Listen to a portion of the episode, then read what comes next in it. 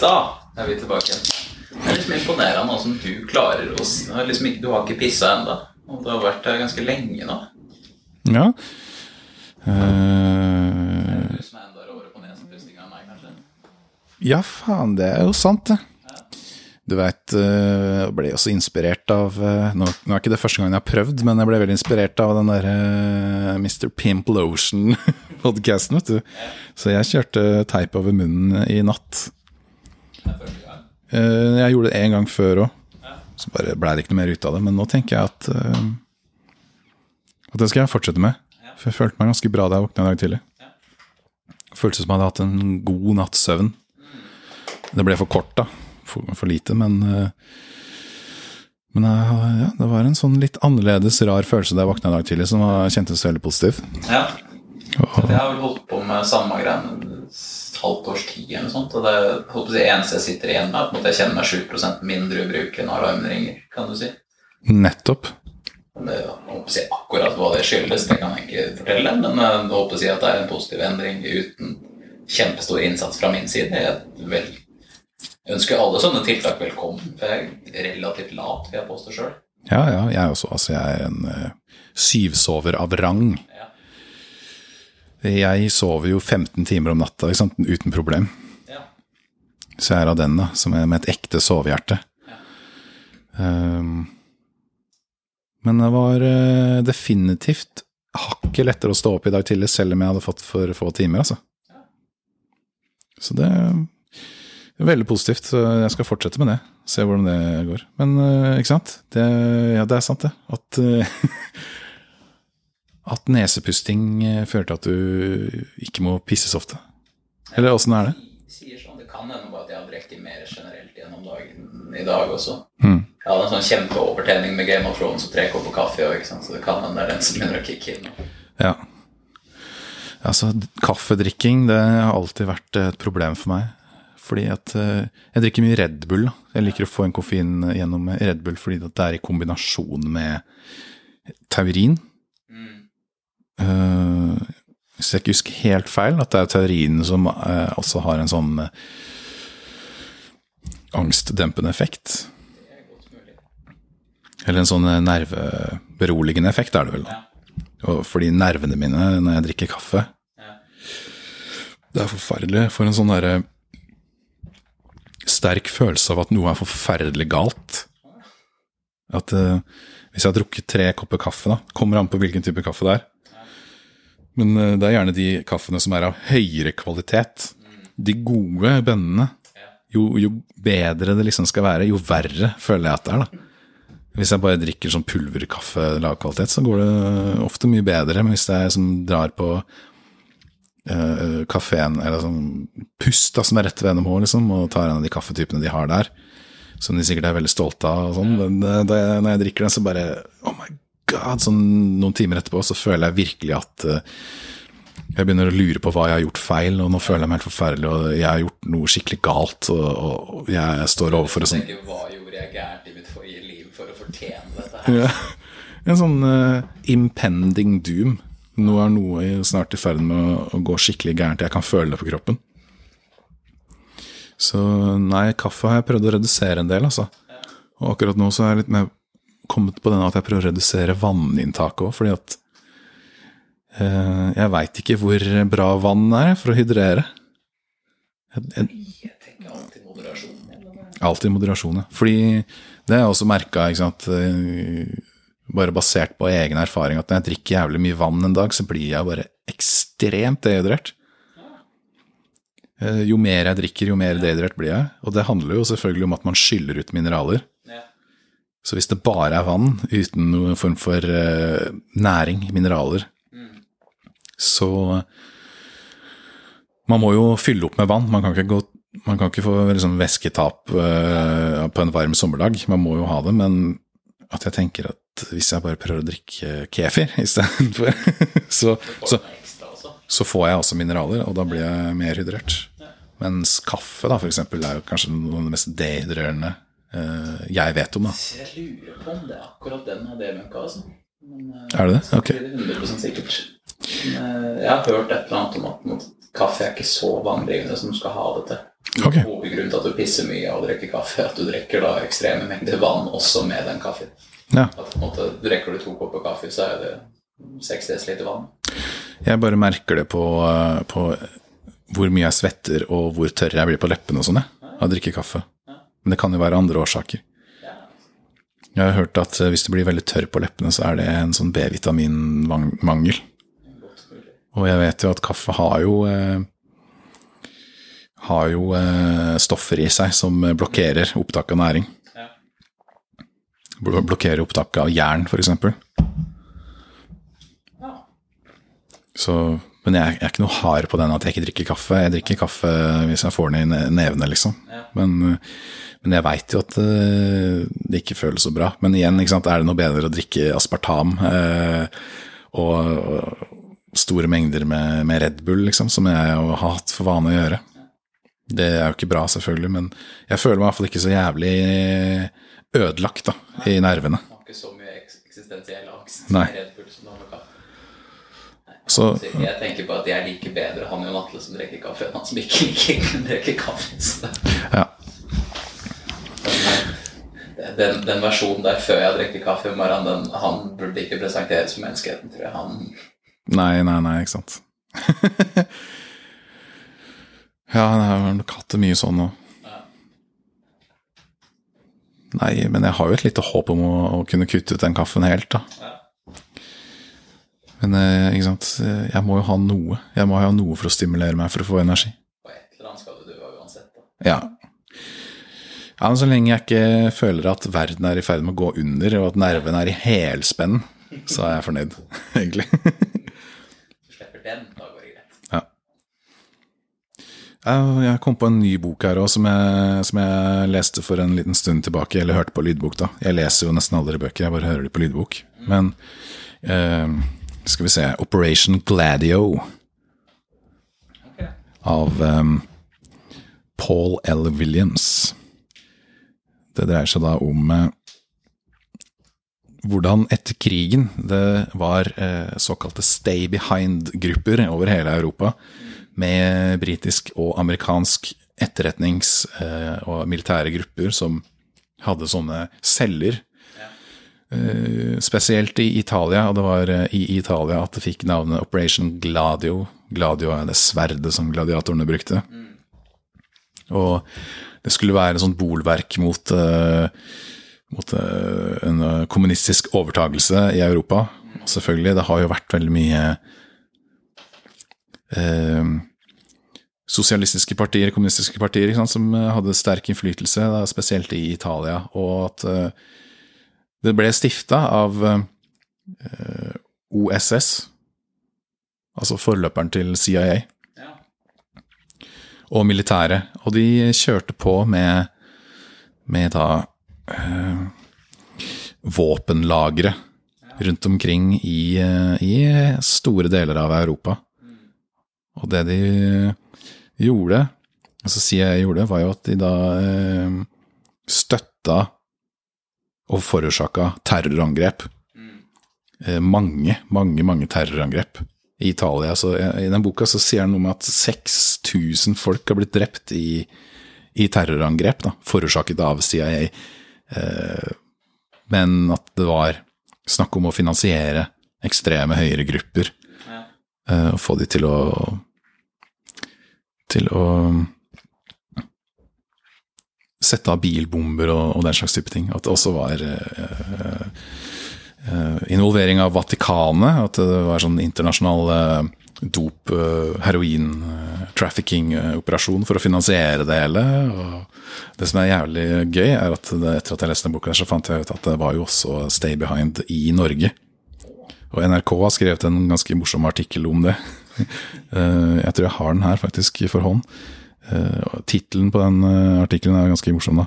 Eh, Bare sende den til meg på mail etterpå. ja, det kan jeg gjøre. Artikkelen heter 'James Bond, den mystiske skipsrederen og Norges hemmelige hær'.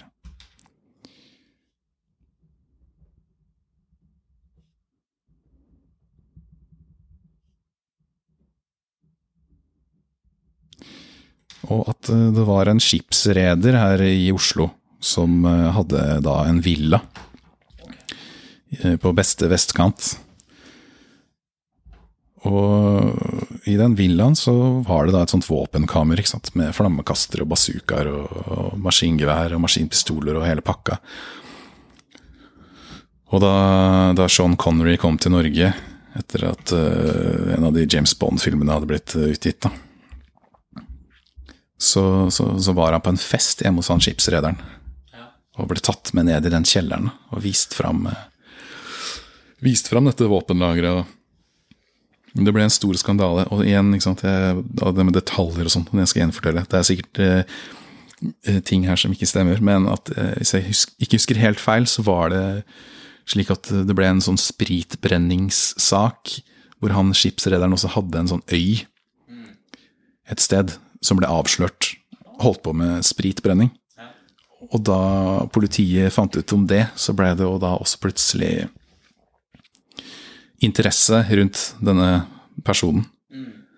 Hvor, eh, hvor de da til slutt klarte å få adgang da, til denne villaen og og fant ut om det hemmelige rommet og sånn. Så den der Operation Gladio-greia, den blåste jo opp.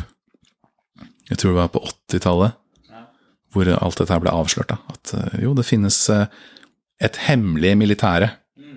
Et militære som regjeringene da, i disse europeiske landene ikke vet eksisterer, men som opererer da bak kulissene. Og eh, de drev jo ikke med terroraksjoner og sånn i Norge, men eh, i Italia og i Tyskland, tror jeg, i hvert fall, så har det vært Er det kobla mot det Palmemordet i Sverige også? Da? Det tror jeg ikke. Jeg veit ingenting om det. Men, men, det kan jo hende, da. For det handla jo om å holde sosialistiske regjeringer og, og, og kommunistiske bevegelser i sjakk, da. Mm. Det at, ja, nei, da tror jeg ikke det har det. For det var vel mer um, mot høyrevridde miljøer, tror jeg. Mm. I hvert fall så var det mer det han var opptatt av, han Stig Larsen. Han portrettert noe av. Ja. Så det var false flags, da. Du, skyld, du, eh, får, du finansierer høyreekstreme bevegelser til å begå terrorangrep ja. På sivilbefolkning, og så skylder du på kommunistene. Og slik holdt de på i flere tiår, før det ble avslørt. Mm. Så det er til ettertanke, da, hva, hva, hva, som faktisk rører seg i kulissene og og Stay Behind fins det fortsatt i dag. Ikke sant? Det... Men at de også dreiv med den derre dop, eh, det dopaspektet ved det. At de produserte dop da i Thailand, tror jeg det var. Altså heroin. Eh, fikk mafiaen eh, i samarbeid med Vatikanet til å liksom foredle det, eller altså skape sluttproduktet. Og så frakta det til New York, da. Så de forårsaka jo da den heroinepidemien som oppsto blant sånn jazzmiljø og svart miljø i, i, New York. For å finansiere det. Så fa farlig info, men, men, desto viktigere, tenker jeg. Jeg, jeg syns det var en skikkelig oppvekker å finne ut om, om, om de greiene her. Og veldig, veldig lite kjent at det fantes. Selv om det var en stor skandale, og, det ble avslørt i, i mange land. ikke sant? Og det kom frem, da. At uh, det var noe skikkelig bad shit som hadde foregått her nå etter krigen. På godt norsk. Mm. ja, men jeg, ja, jeg syns uh, Jeg syns sånn derre um, Hemmelig etterretning og sånn, de tingene man iallfall vet mm. at de har gjort, ting som ikke er konspirasjonsteori, men de tingene man vet. F.eks. Operation Northwoods mm. under Kennedy, hvor militæret presenterte et dokument for han hva de skulle gjøre med Cuba. Med forslag til forskjellige false flag operations. Da. Og dette dokumentet er jo da offentliggjort mm. den dag i dag, og man vet jo at, at, de hadde tenkt å gjøre det. De hadde tenkt å styrte et fly og skylde på Cuba. De hadde tenkt til å eh, senke et skip og skylde på Cuba, ikke sant. Ja. Så har du jo da f.eks. en Tonkinbukt-hendelsen, som var eh, katalysatoren for at eh, det ble satt inn bakketropper i Vietnam. Ja. som også var en false flag. Ja. Eh, De sa at det hadde blitt skutt mot et, et amerikansk militært skip, Mm. uten at det var sant. Ja. Så ble det rasjonalen for å gå inn. Ja. Mm. Da fikk jeg plutselig veldig mye å tenke over. Men eh, Ja, ja. det er fint, det. Kommer jeg sikkert aldri til å se på verden på den samme måten igjen, men eh, Nei, det er en, eh, det er en sort pille, da, Ja. å svelge. Og tenke på at eh, at det kan operere et hemmelig militær eh, som, som gjør så ekstreme ting, ja. uten at da disse landenes regjering vet om det. fordi hvorfor skal de få vite om det? Det er jo masse sosialistiske politikere som styrer. ikke sant? Eh, De er jo en del av de vi prøver å bekjempe her, ikke sant? Nettopp.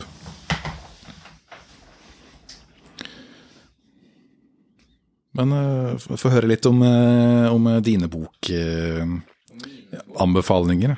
hvis, hvis du også skal uh, dra gjennom lista på, på Storytel. Eh, jeg, jeg hører jo at jeg hører på fryktelig mer variert enn det du gjør. Men uh, det er også litt sånn at jeg håper å si forskjellige bøker til forskjellige formål. Mm. Så hvis jeg springer, f.eks., så trenger jeg på en måte noe litt mer lettfordøyelig. Mm. Så Derfor så har det blitt av en del eh, Erlend Loe. Mm. Ellers så har jeg lest uh, første boka til Snorre Sturlason. Alv Erlingsson av Tore Skeie. Mm. Uh, Harde tider av Charles Dickens. Er innom en uh, biografi av Sigmund Freud. Iliaden. Ja. For, for øvrig, holdt på å si, min hovedtake på det var liksom bare Wow, fy søren, du du er ordentlig god til å skildre drap på en vakker måte. Mm. Jeg tror aldri jeg på en måte hørt Eller jeg har på en måte hatt de mentale bildene og fortsatt tenkt Wow, dette her er vakkert. Mm. Hvordan en person da får et spyd gjennom brystkassa, og så sitter du igjen med Wow, dette var flott skrevet. Og hvor lang tid det tar.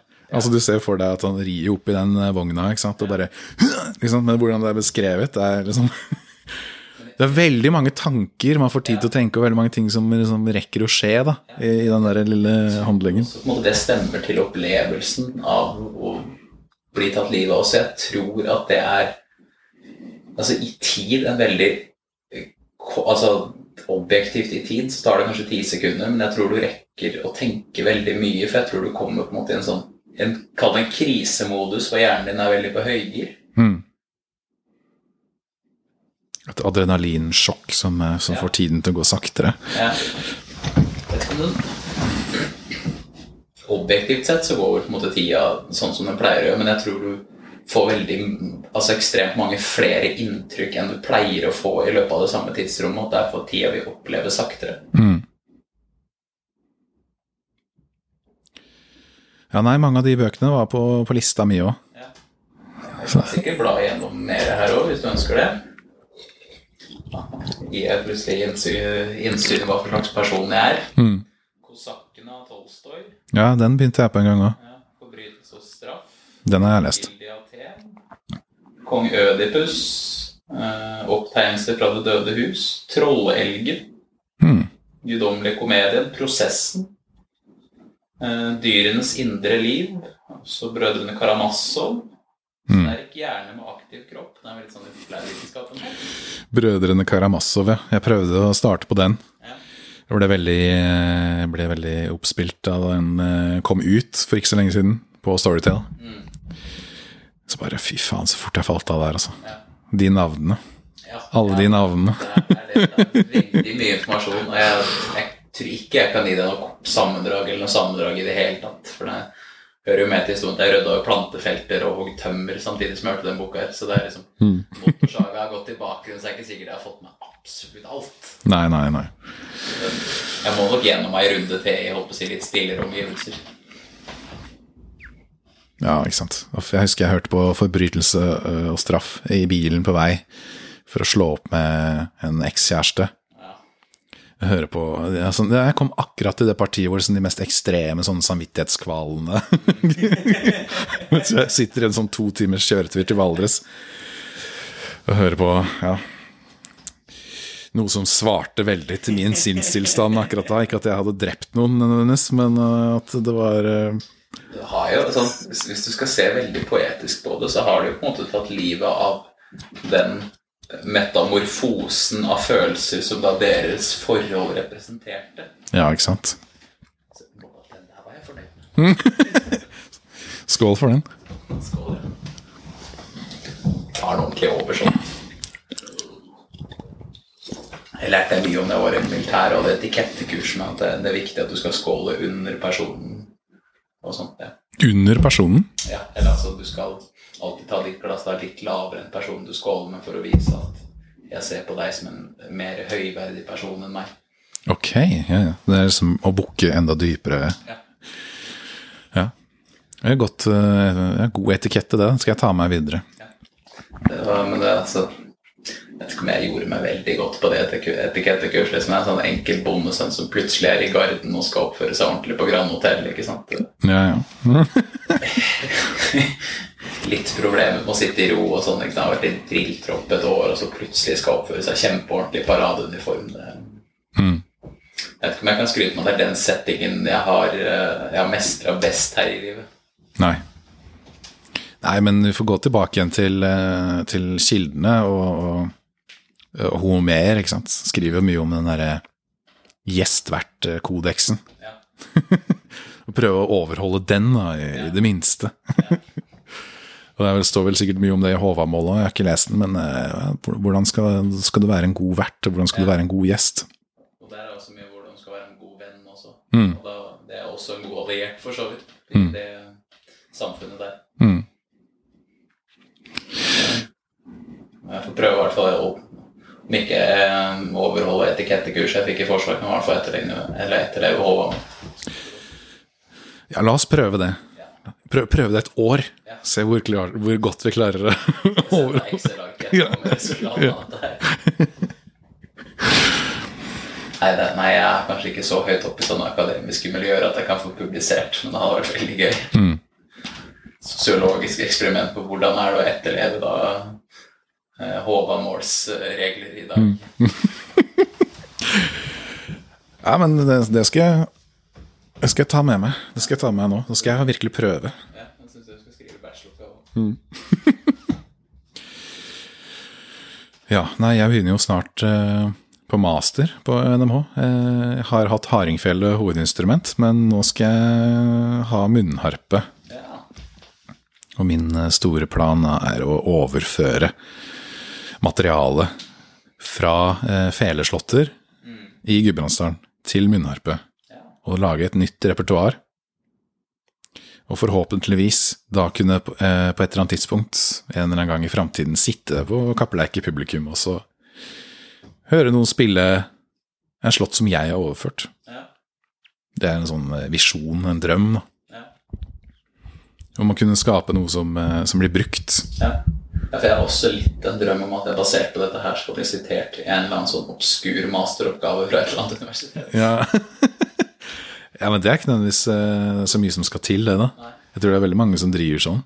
Sjekker, liksom, eh, finner noe noen har skrevet på Facebook, eh, og, og, og bruker det i en eh, er en venninne meg som gikk på Bord- Borda, skjønner du. Hun Jeg skulle ønske du var så belest når jeg gikk på Borda, for da kunne jeg faktisk brukt deg i de skoleoppgavene vi hadde, men nå går jeg på sykepleien, og der har jeg litt, litt strengere akademiske krav. Ja. Ja, nei, huff. Eh, Strenge akademiske krav. Det Nei. Hvorfor skal man ha det? Det er ikke det som er det morsomste måten å tilegne seg kunnskap på. Nei, det er jo ikke det. Og det er jo, det burde jo være en form for glede i å tilegne seg kunnskap også, tenker jeg, da. Jeg tenker også det. Altså hele den derre bevisbyrden da, innenfor ernæringsfeltet, f.eks., hvor, eh, eh, hvor leger da måtte avfeier eh, veldig raskt. Har en ganske sånn derre fiendtlig holdning til eh, til bro, bro science-aspektet da, ved, ved ernæring. Også for eh, sånne som oss, da, så handler det jo eh, kanskje mest om ikke sant? Eh, jeg har vært på keto nå i et eh, halvt år, eller jeg har spist på den og den måten i et halvt år. Jeg føler meg bra, føler meg bedre enn noensinne, ikke sant. Det blir jo jævla dumt å bare skulle avskrive det også fordi at eh, faglitteraturen er så inkonklusiv, og at eh, bevisene eh, holder ikke, og man har ikke gjort eh, nok forskning på det, så derfor så kan man ikke si noe om det. Altså, jo, man kan si ganske mye om det. Man kan eh, også bruke personlig erfaring til en viss grad. Da. Du kan holdt på å si, argumentere på bakgrunn av god gammeldags fornuft. Det er på sett og vis et bevis, det også. Men si, det jeg da heller savner mer av, er på en måte den åpenheten rundt kompleksiteten av hva får et menneske til å fungere. Det er på en måte heller jeg vil heller ha mer åpenhet rundt det, kontra nødvendigvis så veldig mye anerkjennelse av si, ekstremene, som kanskje du snakker om her, altså med carnivore og sånne ting. Mm. Og heller, da, da vil jeg heller ha en større grad av åpenhet rundt det. Vi veit egentlig ikke hva som får et menneske til å tikke og gå. Noen kan spise smågodt og drikke pils og ha god helse.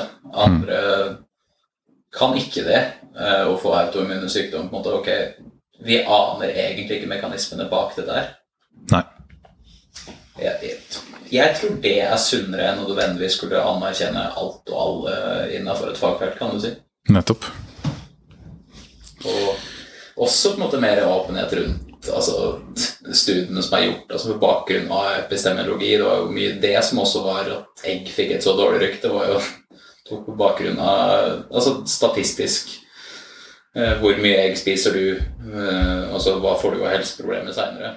Mm. Det som inneholder mest egg, det er desserter. Mm. Og da er det, er det egga i seg sjøl Mm. som gir det, eller er det da alt det andre du får av desserter? Ja. Og så er det den der ideen om eh, å plassere folk på en eh, diett. Se se hvor dårlig det går. At, eh, så, såpass uetisk at eh, det kan ikke gjennomføres i praksis. Det- kan, men ikke utafor de ideene vi har av frihet. Nei. Og jeg tror jeg hadde vært misfornøyd med å bli plassert i et forsøksrom i 15 år. Her er det du får av mat. Har du sett filmen Voitsek? Det er jo et stykke også, en opera, eh, av eh, Alban Berg. Eh, W-O-Y-Z-E-C-K, tror jeg. Skriv, skrives annerledes i det Alban Berg-stykket, men dette er en film av Werner Herzog. W-O-Y-Z-E-C-K.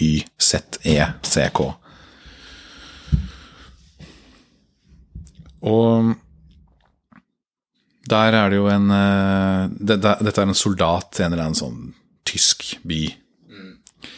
En sånn skikkelig En menig, da, uten noe som noe han skulle ha sagt. Ja. sånn ynkelig soldat som eh, som blir ganske heftig undertrykt og er også offer for et sånt eh, erteksperiment. Hvor en lege har da brukt han som forsøkskanin, at han bare skal spise erter. Eh, over en veldig lang tid. Og, og han havner jo i en eh, ekstrem eh, eksistensiell krise. Men at det da er en sånn scene der hvor han skal presentere sine forskningsresultater. Hvor han har han stå, stående oppe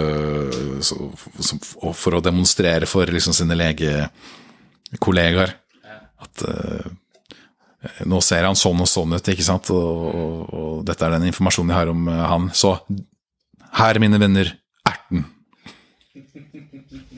Da har han funnet ut hvordan eh, erten er, ved å få han til å bare spise det. Jeg tenker Det hadde kanskje vært greit sånn for å få noe, for å få noe tallmateriale. Det hadde sikkert vært greit å kjøre til diktatur en 10-15 år, og så bare så, mm, plassere ett folk bare på bønner, og ett på bare erter, og ett på Ja, bare jeg tok på en måte opp, så gikk gjennom bare lista bare sånn henta ut sånn ja, Dere får erter, dere får kjøtt, dere får kefir, dere får bønner. Og så jobbe seg gjennom byer sånn at alle får på en måte én matvaregruppe. De skal livnære seg på et års tid. Bare sånn for å få noe tallmateriale å jobbe med. Ja, det er sikkert veldig verdifullt. eh, Forskningsrådet, jeg skal klare å sette opp Nei, eh, ja, bra, ble jo bra springbrett inn i film. Er, du- er du noe filminteressert? Eh, ikke noe sånn voldsomt, men jeg føler liksom jeg, jeg har si, jobba meg inn i allmenndansen nå med den DVD-samlinga til han fyren som eier den plassen her. Ja, ja. Oi, shit, det er dritmange DVD-er her. Men det er liksom, nå har jeg plutselig fått sett første Star Wars-filmen og sett noen flere sånn Tarantino-filmer og sånn. Hmm. Det er jo det jeg har gått glipp av, faktisk. Ja, det er jo sånn som alle har sett, da. Er det ikke det? Jeg, jeg har inntrykk av det. Det har vært alle unntatt meg. Ja. Nei, altså jeg, eh, jeg har nøla ut ganske heftig på film altså, i løpet av de siste årene. Ja. prøver å finne de, de gode skattene, gjerne i ting som ikke er lagd i Amerika. Mm. prøver å finne noe, noe virkelig gode regissører og noen gode klassiske filmer som er på andre språk. Da. Jeg vil jo gjerne trekke frem filmen 'Harakiri'. Er en Ufattelig god film. Skikkelig Ja, harakiri, altså rituelt selvmord. Ronin Ronin-æraen, når samuraiene ikke lenger har noe å gjøre fordi det er fred. Og den der eh, forferdelige livssituasjonen de ble utsatt for, da de ikke lenger eh, kunne utføre da det som de var trent opp til å gjøre, og, og det som var da samurai-livsstilen. Men eh, ikke sant, samuraien ble da en mer sånn allmenndannet person som skulle kunne skrive poesi og, og i. Ja, det tror jeg var en forferdelig røff Nå skal du sitte og skrive poesi. Mm. Jeg tror du har en del følelser å hente fra, men eh, det er ikke en overgang du tar fra søndag til mandag, liksom. Nei.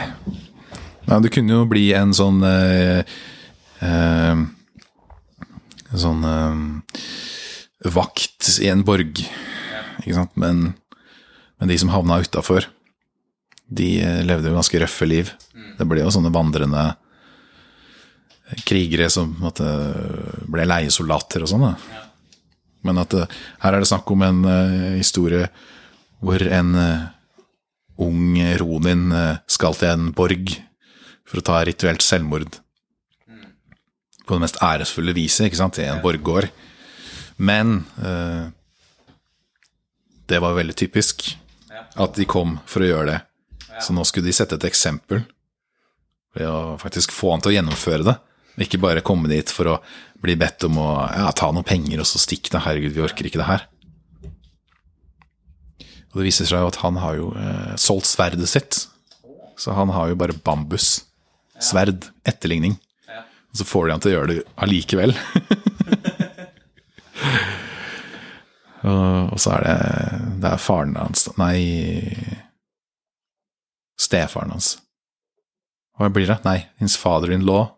Hans eh, svigerfar. Som kommer for å ta hevn i denne borggården. Det er utrolig flotte koreograferte kampscener på den mest estetiske måten du kan se for deg. Ja, virkelig. Et sånt uh, heftig, eh, stemningsfylt, atmosfærisk epos med med veldig mye flotte bilder, f.eks. en scene der med en sånn uh, duell ute i eh, høyt gress, vindblåst, sånn rituelt gravsted eller noe sånt. Sånn Den der spenningen du får når de står der og ser hverandre i øynene og på en måte inntar posisjon og løper opp mot hverandre, ikke sant. Det er mye Det er mye nerve og veldig mye sånn skikkelig ryggrad Ja. i den tradisjonen og i den der livsstilen og i, i den japanske kulturen. Det er utrolig fascinerende å se de, de gamle samurai-filmene fra Japan. De, de beste av dem. Kurosawa sine filmer også. Utrolig sterkt.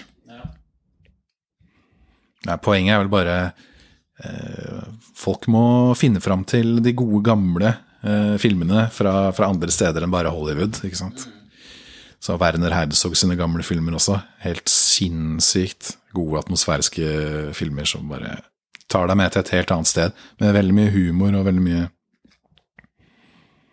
sånn, Bruker eh, ofte sånn dårlig musikk, sånn dårlig folkemusikk fremført på en veldig sånn skev måte i filmene sine. Da blir det litt som på en måte i noen Tarantine-filmer at du tenker at her hadde det kanskje vært passende med noe annen musikk. Hvis du skjønner hva jeg tenker på? Mm. At på en måte her, den musikken her burde ikke vært så lystig, for den scenen her illustrerer jo noe helt annet. Nettopp. Ja, disse virkemidlene er mye brukt da, i, i Herzog. Men igjen er sånn å snakke om film Det blir bare sånn Du må ramse vanskelig å, å si noe interessant om det. Det blir som å fortelle om en sketsj. Har du sett en sketsj, eller? Prøve å få det til å bli like morsomt. Det blir veldig vanskelig sånn når ikke jeg har sett filmene det er snakk om. Altså, jeg håper å si, ja, jeg kan skjønne hva du snakker om, men jeg, jeg, kan, ikke, jeg kan ikke si noe vettugt uten å ha sett filmen. Nei, nei, nei, ikke sant. Så det, jeg kanskje skulle gjort en filmspesial en eller annen gang i framtida, når jeg har ikke 700 andre ting jeg styrte med samtidig. Mm, mm. Jeg regner med du har akkurat samme problemer sjøl, at du måtte begynne med fire ting samtidig, og så holde på med de sånn sa- simultant så godt det går. Altså. Er det én ting jeg tar meg tid til, så er det å se film. Da. Selv om jeg egentlig ikke har eh, den tida. Kan se sånn fire filmer eh, i ett strekk, ass. Det har veldig god stamina når det kommer til å sette seg ned og se på filmer. Nei, for jeg liker veldig godt å bli liksom sugd inn i en atmosfære og i en eh, form for estetikk. Og det er jo det helhetskunstverket. Eh, det som Wagner eh, var så opptatt av å skulle klare å skape en sånn kombinasjon av alle kunstartene. Og det, han hadde jo bare scenen til rådighet. Ja. Mens eh, film, ikke sant Der, det er jo Der har du jo potensialet til å skape et helhetskunstverk. Med musikk og eh, bilde og sånn Og designe scener, ikke sant, som det skulle vært et maleri. Ja, ja, for det blir jo nesten en moderne tragedie, eller kan bli i hvert fall. Mm. Med måte hvordan du får musikk og dialog til å stemme overens med hverandre. En skikkelig god film som har måtte, alle de elementene jeg søker. Det er jo det som virkelig kan få meg til å, til å glemme at jeg fins. Ja. Og for blir bli oppløst som menneske. Ja, for en stakket stund. Ja. Bare, rømme fra denne kaotiske verden. ja, rømme inn i kunsten. Også, også spesielt de filmene som har veldig mye vekt på det å designe scenene. Ikke sant? At du, du lar ingenting gå over i tilfeldighetene. Du har en sånn total oversikt eh, over alt som er i framen, som om det skulle vært et maleri. Som du, du bygger opp ikke sant? med å plassere ting eh, i rommet, i et landskap, med musikk samtidig, og dialog. Det for meg er ekstremt gripende. Og, og du kan føre filosofi inn i det også. Men eh, gjerne de filmene som eh, tar for seg noe som er universelt, og, og noe som er veldig menneskelig. Noe som eh, gjelder like mye i homerisk tid som det gjelder i dag. Da er det jo på en måte tilbake igjen til si, de samtalene da, om, om liv og død, om kjærlighet, om sånne store temaer som på en måte har fulgt menneskene gjennom all vår historie. da. Nettopp. Da, det, det blir jo vanskelig. Jeg vet ikke hvor mye mange av de filmene du snakker om som er på Netflix, egentlig. Jeg ser, Jeg- for meg at du bruker en del tid på sånne litt ymse strømmetjenester. Ja, jeg gjør jo det. Eh, Det er jo nettopp det som er problemet. At jeg tror ikke en eneste film jeg har lyst til å anbefale, ligger på Netflix. Faktisk, jeg kan si null. Jeg, jeg, jeg ser liksom hva skal jeg se med på dette her, som jeg bruker en del tid på internett. Nettopp. Ja, Så, så lenge jeg slipper å så håper banke tre ganger på døra for å kjøpe DVD, så skal det være greit. ja. Nei, det er jo gjerne sånn at man må kjøpe DVD, da, eller eh, ha flaks. Ja. Jeg, blei nesten litt frelst av å si, den DVD-ideen etter å ha vært her, faktisk. Fordi at eh, altså Punkt én er på en måte det ritualet med å sette på filmen. Og så punkt to var faktisk den På Netflix så gjør du jo så beveger du på musa, så kan du se hvor lenge du har igjen. Mm. Men det ble liksom veldig mye mer eventyr over filmopplevelsen og ikke vite når den var ferdig. Nettopp, ja, ja, helt klart. Du eh, har nå satt deg ned, Ja, og du skal bli tatt med ja. Gjennom en reise som du ikke har noe kontroll over. Det, er reisen. Du veit ikke hvor du skal. Med Netflix så veit du ok, jeg skal fra null minutter til 94 minutter. Ja, det er, det er en uting. Og så er det selvfølgelig sånn at man kan jo få med seg mye bra gjennom å følge med på hva som skjer på sånn cinemateket og den slags også. Ja. Det er jo mye som blir vist rundt omkring på sånn undergrunnskinovisninger. Jeg tror ikke de plassene fins i Larvik for øvrig. Nei. Det er jo flere aktiviteter å drive med i Oslo. Det... Jeg var så heldig at jeg fikk sett eh, Stalker av uh, Tarkovskij på kino i Lillehammer under eh, russiske filmdager for en god del år siden. Det var, det var jo allerede min favorittfilm, eller en av dem. Og så bare kunne få oppleve den på kino. Oh my god, jeg ble, rørt til tårer. Det var vakkert. En storslagen eh, filosofisk film er Altså, hvis du skal se én litt sånn kunstfilm, hvis du skal oppleve film på en sånn måte som kanskje du ikke er vant til, hvis du hovedsakelig har sett liksom Kubrick og Tarantino og sånn, da.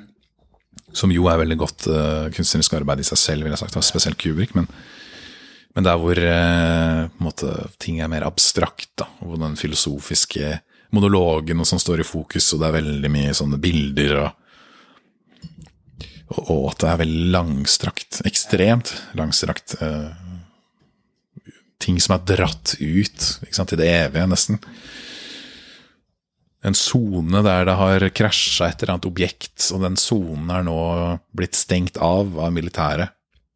Og inni den sonen så er det da folk som kaller seg for stalkere, som kan ta deg med inn, fordi det finnes et bygg der, et kammer, hvor dine innerste drømmer kan gå i oppfyllelse så er det jo sånn at når de kommer dit, så, så blir de veldig nølende, for det, kommer jo frem at han forrige stalkeren, altså, før han som har tatt dem med inn nå, eh, fikk jo bare masse rikdom da han kom inn i det kammeret, og tok da sitt eget liv. Ja. Fordi han trodde jo at han ønsket seg noe annet. Ja. Men så var det Det var hans dypeste, innerste eh, ønske som gikk i oppfylling. Ja. Men det var jo ikke det han trodde at han ønsket seg. Så ble han bare rik. Ja. Og så, Da vil jeg tro du kjører på en sånn ekstrem meningsløshet. For altså, du har bygd opp dette her Altså dette øyeblikket har du bygd opp i huet ditt. ikke sant? Og wow, jeg skal få vite mine, hva, hva det innerste meg egentlig ønsker. Hva det ubevisste jeg egentlig vil ha. Og så bare, ja, det var sju millioner kroner, det. ja. ja. Er dette livet her da verdt å leve hvis alt jeg har brukt Altså all min eksistens har vært bygd rundt sju millioner kroner?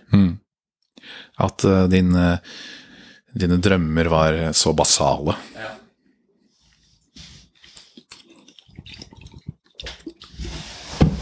Samtidig så er det litt, det litt gøy å gjøre seg tankene på en måte Men hva hvis vi hadde gjort det samme på f.eks. ei bikkje? Mm. Ikke sant? Hvis du hadde tatt med den til det rommet, da, så bare Ja, ok, her er ditt dypeste ønske, det er 25 kg tørrfôr. Mm.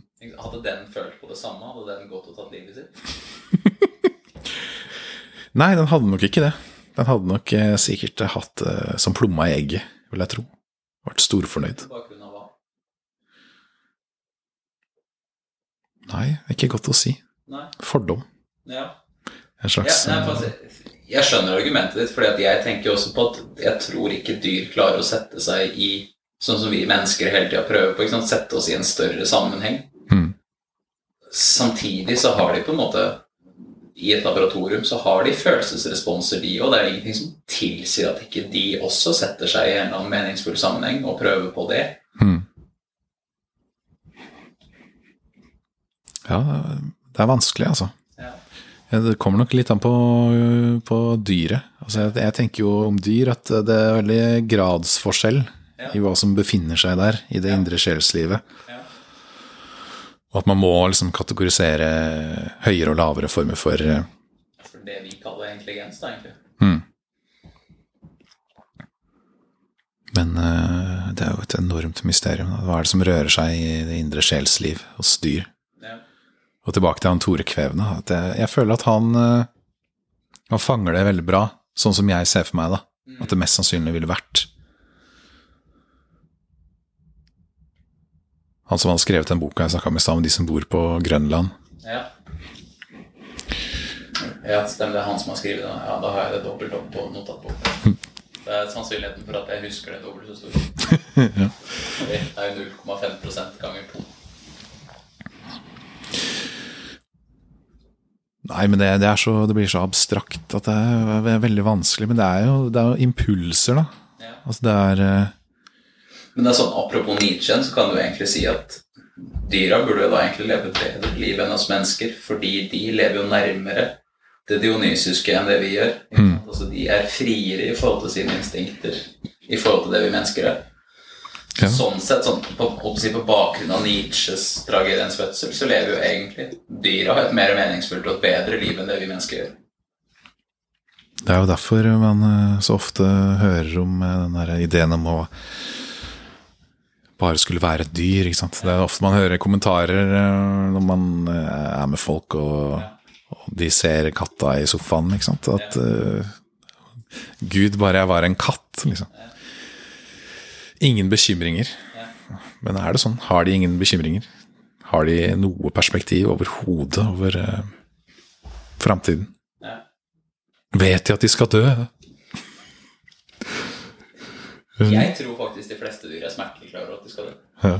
Fordi, altså Alle instinktene de har, dreier seg om å berge liv. ikke sant? Det gjelder jo for så vidt oss mennesker også. Men at det da kanskje er en mindre grad av fokus på det. Altså av den enkle De har, de har ikke overskudd til å tenke over Altså De har ikke teknologi til å hjelpe seg til å få tid til å tenke over hvordan du egentlig har det. Jævlig bra The Onion-innslag. Kjenner du The Onion? Satirenyhetskanal. En sånn reportasje om eh, at de hadde lært eh, en gorilla språk bare for å kunne fortelle han at eh, han skulle dø en dag. Så er det masse sånn klipp av den gorillaen som bare sitter der og ser veldig sånn Det ser ut som den har gitt opp, da. Ja. Jeg vet ikke, Har du sett uh, den Big Mouse-serien? Nei. Nei, nei, okay, det er sånn uh, Mm. Ligger på Netflix. Jeg kjenner til den. Ja. Jeg syns det er veldig artig med sånn litt sånn småabsurd humor. I hvert fall når det er tegnefilm, for da kan du være så drøy du bare vil uten at det er noe problem. Eh, men i hvert fall det, han ene der har en bikkje som virker veldig depressiv, fordi den Jeg tror de sier også eksplisitt at den har uh, Den kan stille seg spørsmålet hvorfor. Mm. Og det er derfor den er depressiv. Mm. På en måte ser på sin egen tilværelse som kjempepoengløs. Mm. Bare sånn Ja, jeg kan jage etter det beinet, men hvorfor det? Ja. Det har jo ingenting å si i den store sammenhengen om jeg får tak i det beinet eller ikke. Eller også om jeg får tak i min egen hale eller ikke i dag, har jo ingenting å si. ja. Jeg kommer til å gjøre akkurat den samme praten i morgen.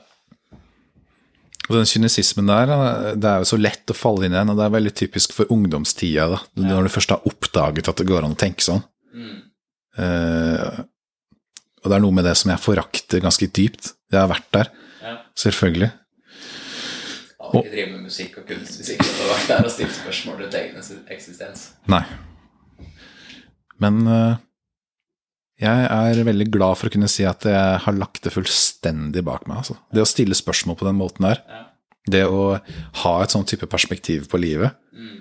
en sånn derre idé om at du liksom har eh, erobret livet til en grad, da, fordi at du har forstått at det er meningsløst, eller at du Du er nå mm, smartere enn de andre fordi at du har forstått at ingenting er noe vits egentlig i det store bildet, og du, du får en sånn derre uh, en sånn overordnet visjon over hele universets gang og, din meningsløshet og ubetydelighet. Og du ser opp på stjernene, og alt er forgjengelig. Og? Ja, du føler deg veldig smart når du er veldig ung og finner ut om det.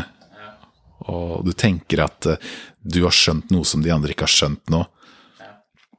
At eh, det er determinert alt sammen. og og dere skjønner ikke at frivillig ikke finnes, men jeg skjønner det nå.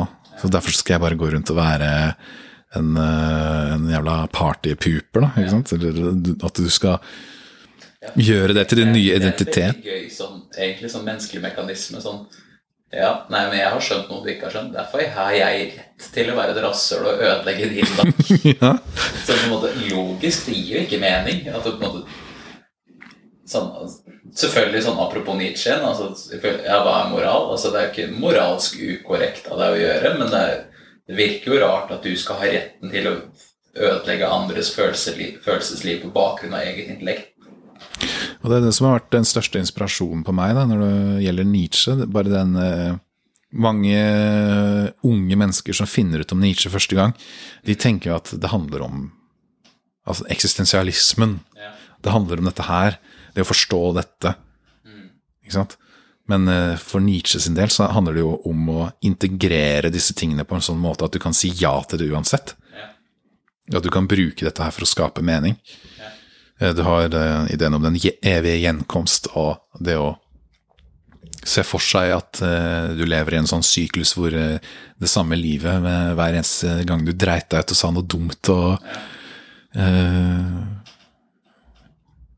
og du var en tosk og alle de ting du angrer på og sånn, at du skal oppleve det om og om og om, og om igjen, men allikevel være glad for det, da, og, og, og si ja til livet.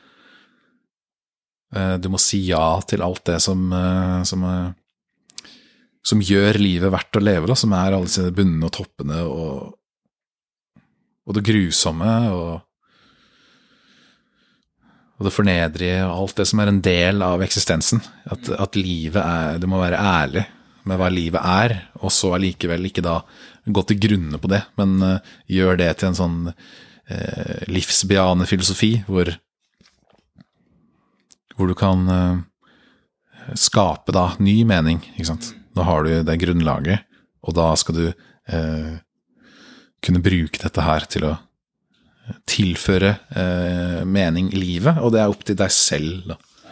Og det er jo det som er overmennesket, kort fortalt, veldig enkelt. Det er jo det mennesket som klarer å eh, skape egen mening. Og så har du jo Jung sin kritikk av Nietzsche der, da, hvor han mener at han måtte være besatt av en sånn uh, the old wise man-arketype. At Nietzsche identifiserte seg selv som Zarathustra. At, at, at Zarathustra sprang ut av et sånt kompleks, hvor da Nietzsche var besatt av den gamle vise mannen-arketypen. Um, som, uh, som gjorde at han ble gal, mener Jung. Og at eh, den der, å ta den byrden på sine egne skuldre, istedenfor å gå tilbake til en sånn der mer tradisjonell form for religion, da. Ja. Hvor, du, hvor du finner denne meningen gjennom et fellesskap. Ja. Ja, eller, altså du finner jo Sånn sett så finner du egentlig mening da ved, altså ved hjelp av utvikling, fordi du hele tida på en måte er på den utviklingstrappa på vei mot det evige, mot denne evige vise mannen, ikke sant? Hmm. Og, og på sida kan du selvfølgelig da si at ok, Nietzsche demonstrerte at kanskje ikke vi mennesker er i stand da til å få til å, Altså å sette oss sjøl i en meningsfull sammenheng uten religion. Mm. Det kan du jo si, Ja. Så bakgrunn det, men ja. At han stilte et for høyt krav. ja. At han hadde en for, for stor forventning til hva mennesket kan få til ja. når det gjelder å bare bryte med det gamle og, og da være liksom, eh, ene og alene skape dette meningsfylte som vi er avhengig av for å leve. Samtidig, altså det står jo i Bibelen at altså Gud, vi ble skapt i hans bilde. altså Ergo så er jo vi da på sett og vis guder.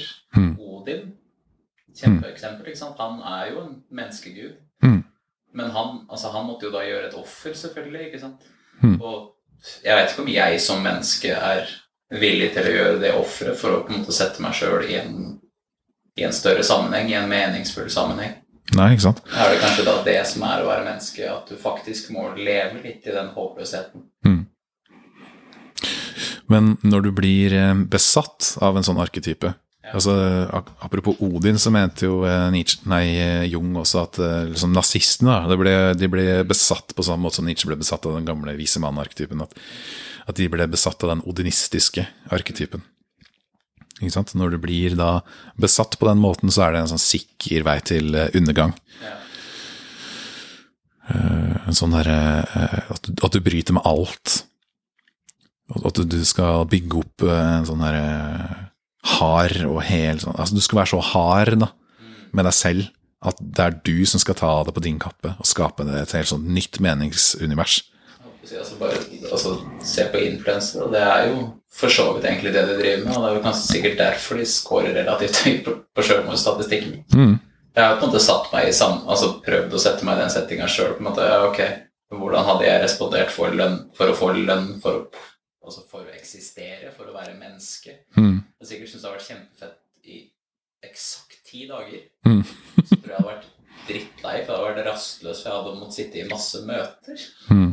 Og så tror jeg jeg hadde sett på det som håpløst. At på en måte Ok, nå er det da noen andre enn meg sjøl som styrer min eksistens, egentlig. Som, Ja. altså, hele mitt livsgrunnlag er at jeg skal tilpasse meg andre for at jeg skal bli likt mest mulig. Mm. Det er i bunn og grunn veldig meningsløst for et menneske. Altså, ja, vi ønsker å bli likt, men på en måte at du gjør det til din store livskraft, Mm. jeg tror ikke jeg er sunt for et menneske.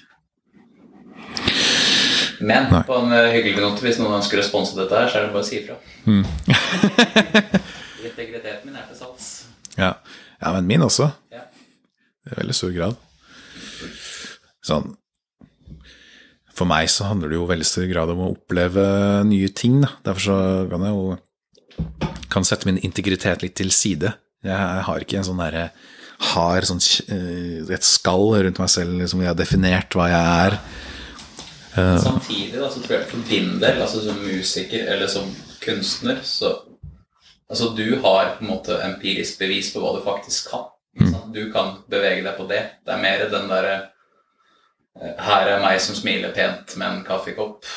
Mm, mm, Så jeg, jeg tror på det, det blir noe annet igjen, fordi da har, vil du fortsatt ha holdt på å den himmelstrebende, utviklende med at du ønsker fortsatt å bli bedre på da ditt instrument. mm. Så jeg tror det vi opplever som mer meningsfullt, egentlig. Ja, ja. Nei, eh, William Heimdal eh, jeg har hørt sagt ved flere anledninger også bare meningen med livet. Og jeg tror hele den Nerdrum-gjengen også er ganske enig i at eh, det er jo forbedringen. Og jeg elsker jo, elsker jo forbedring. Ja, liksom. Det er jo det jeg lever for. Eh, Så jeg kunne jo på en måte aldri overlevd i en situasjon der hvor jeg var eh, satt eh, inn i en rolle hvor det ikke hele tiden handlet om å utvikle meg og, og forbedre meg selv. Ja.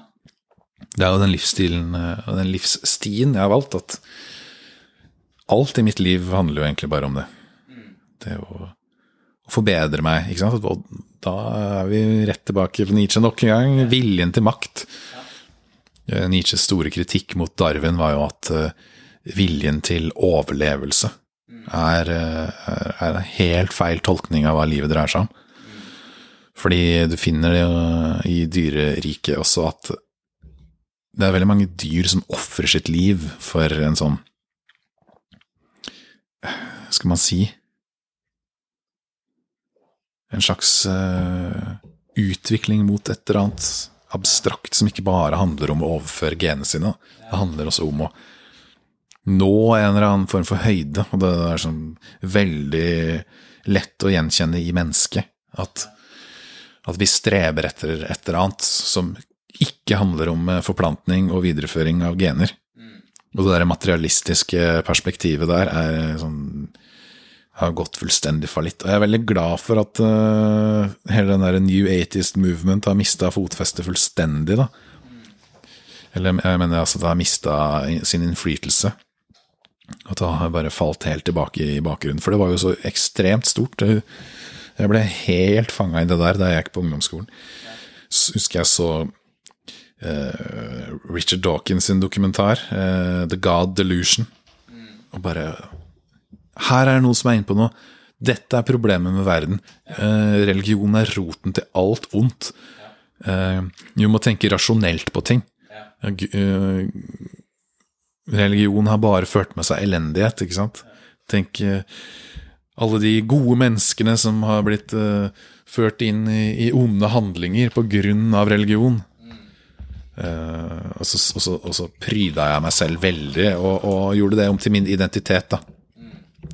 Så ser jeg jo nå at eh, det var jo det religiøse instinktet som bare ble kanalisert inn i en ny retning, eller inn i en retning som jeg ikke hadde hatt. da.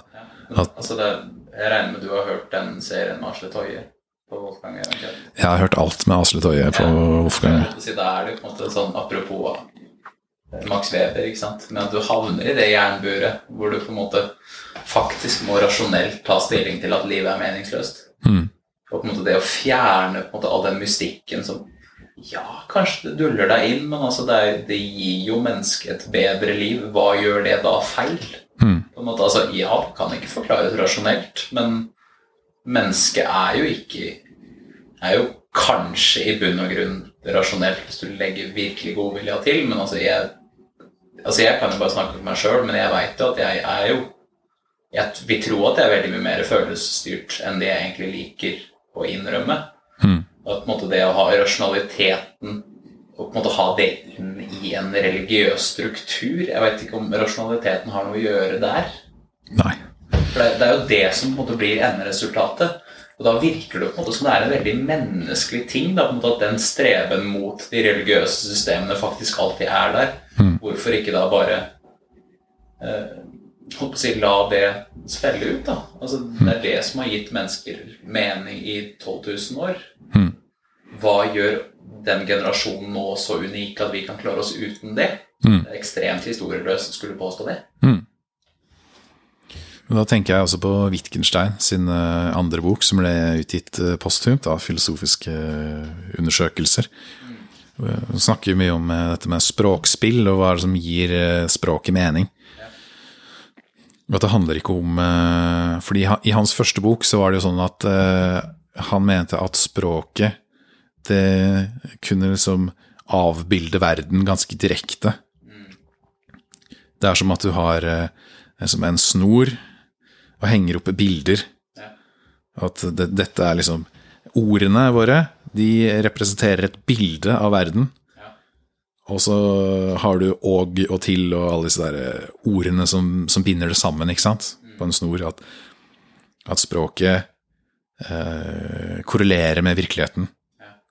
Eh, mens i hans senere verk så er språket et spill, en lek, hvor eh, språket får sin mening gjennom da spillene du spiller. Hva, hva er likheten mellom eh, sjakk og fotball? Ikke sant? Eh, to, to veldig vidt forskjellige sfærer, men begge to er en lek eller en spill eller en sport. Ikke sant? Men det, det er visse sånn familielikheter. Eh, det, det, det er overlappinger.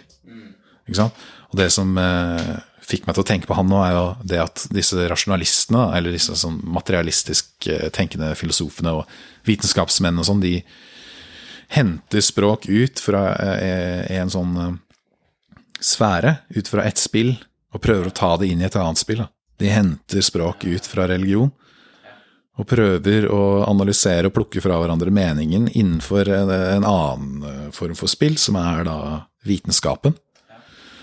Eh, Men allerede i den prosessen med å ta det språket ut av sitt eh, element, har du da på en måte fullstendig ugyldiggjort det, eller da har du ikke noe mening lenger overhodet. Altså, jeg tror faktisk et kroneksempel på dette her tror jeg faktisk er på en måte en vitenskapelig revolusjon med når du gikk over fra mytologi til matematikk.